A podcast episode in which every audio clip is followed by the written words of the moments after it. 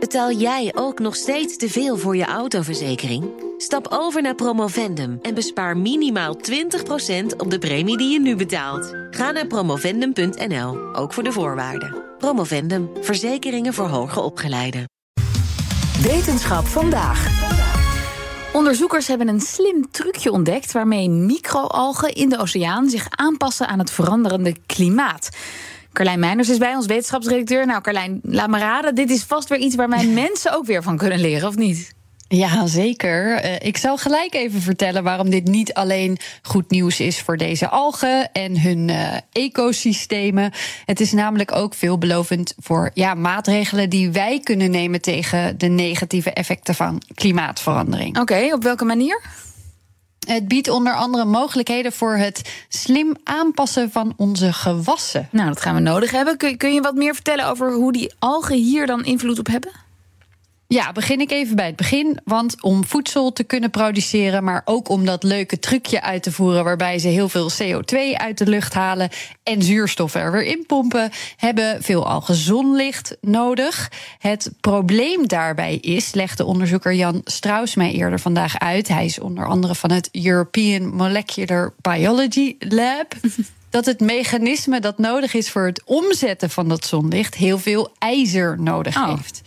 En kijken we dan naar de bovenste lagen van de oceaan, dan heeft een flink deel van dat wateroppervlakte niet genoeg ijzer om die algen daar eigenlijk in te ondersteunen. Net als bij uh, planten en gewassen een beetje, die groeien in grond met te weinig voedingsstoffen. Zou het op die plekken dus niet zo goed moeten gaan met die algen, helemaal nu de oceanen warmer ja, aan het worden? Want wat heeft die warmte voor effect op de algen nu? Ja, nou, hoe warmer dat oppervlaktewater wordt, hoe minder voedingsstoffen in die bovenste laag, omdat er minder uitwisseling is met de diepere lagen van de oceaan. Oké. Dus op papier zou dit betekenen dat algen die hier leven het steeds moeilijker zouden moeten krijgen. Want die verhongeren gewoon. Uh, en dat betekent ook dat er minder algen zijn om CO2 uit de atmosfeer te halen. Dus dat is gewoon ook heel slecht nieuws voor ons. Maar zoals wel vaker blijkt de natuur ook in dit geval niet voor één gat te vangen. Aha, dus die algen die verhongeren niet. Nee, uh, onderzoekers hebben microalgen gevonden die een slimme truc hebben ontwikkeld om om te gaan met dat tekort aan nutriënten in die laagwater. Uh, het mechanisme dat de algen hierbij gebruiken, dat is al langer bekend. We wisten dat het bestond. Het was in bacteriën gevonden. Vijftien jaar geleden vonden ze het ook in algen. En dat was vreemd. Want die algen hebben eigenlijk al een systeem, namelijk fotosynthese, om te groeien. Waarom hebben ze dan ook nog dit mechanisme? Mm. Nou, daar zijn ze nu dus achter gekomen. Het is een oplossing voor een voedingsarme leefomgeving dus. Ah, ik uh, gok dat, er, dat dat eentje is met weinig ijzer. Ja, precies. Ja, dit mechanisme maakt het mogelijk om in plaats van fotosynthese-eiwitten die wel ijzer nodig hebben, uh, om cellen van hun energie te kunnen voorzien, een ander eiwit te gebruiken. Een lichtgevoelig membraan-eiwit is vergelijkbaar met een eiwit dat je vindt in onze ogen. En dat eiwit wekt energie op door ja, eigenlijk protonen door membranen te pompen. Oké, maar hebben ze dit ook echt in het lab kunnen bekijken? Ja, ja, ja, ja. Een, een belangrijke stap daarbij was overigens dat ze een andere algensoort erbij hebben gepakt. Eentje die dit eiwit van nature niet heeft. Uh, die hebben ze genetisch zo aangepast dat die het nu wel had. Vervolgens hebben ze dat water nagemaakt met weinig voedingsstoffen erin. En toen zijn ze in dat water gaan kijken. Als we die aangepaste algen nou vergelijken met hun niet aangepaste familieleden, kunnen die algen die nu dat eiwit wel hebben, ineens dan beter groeien in die moeilijke omstandigheden. En dat was inderdaad het geval. Dus dat is een belangrijk bewijs hm. uit het lab.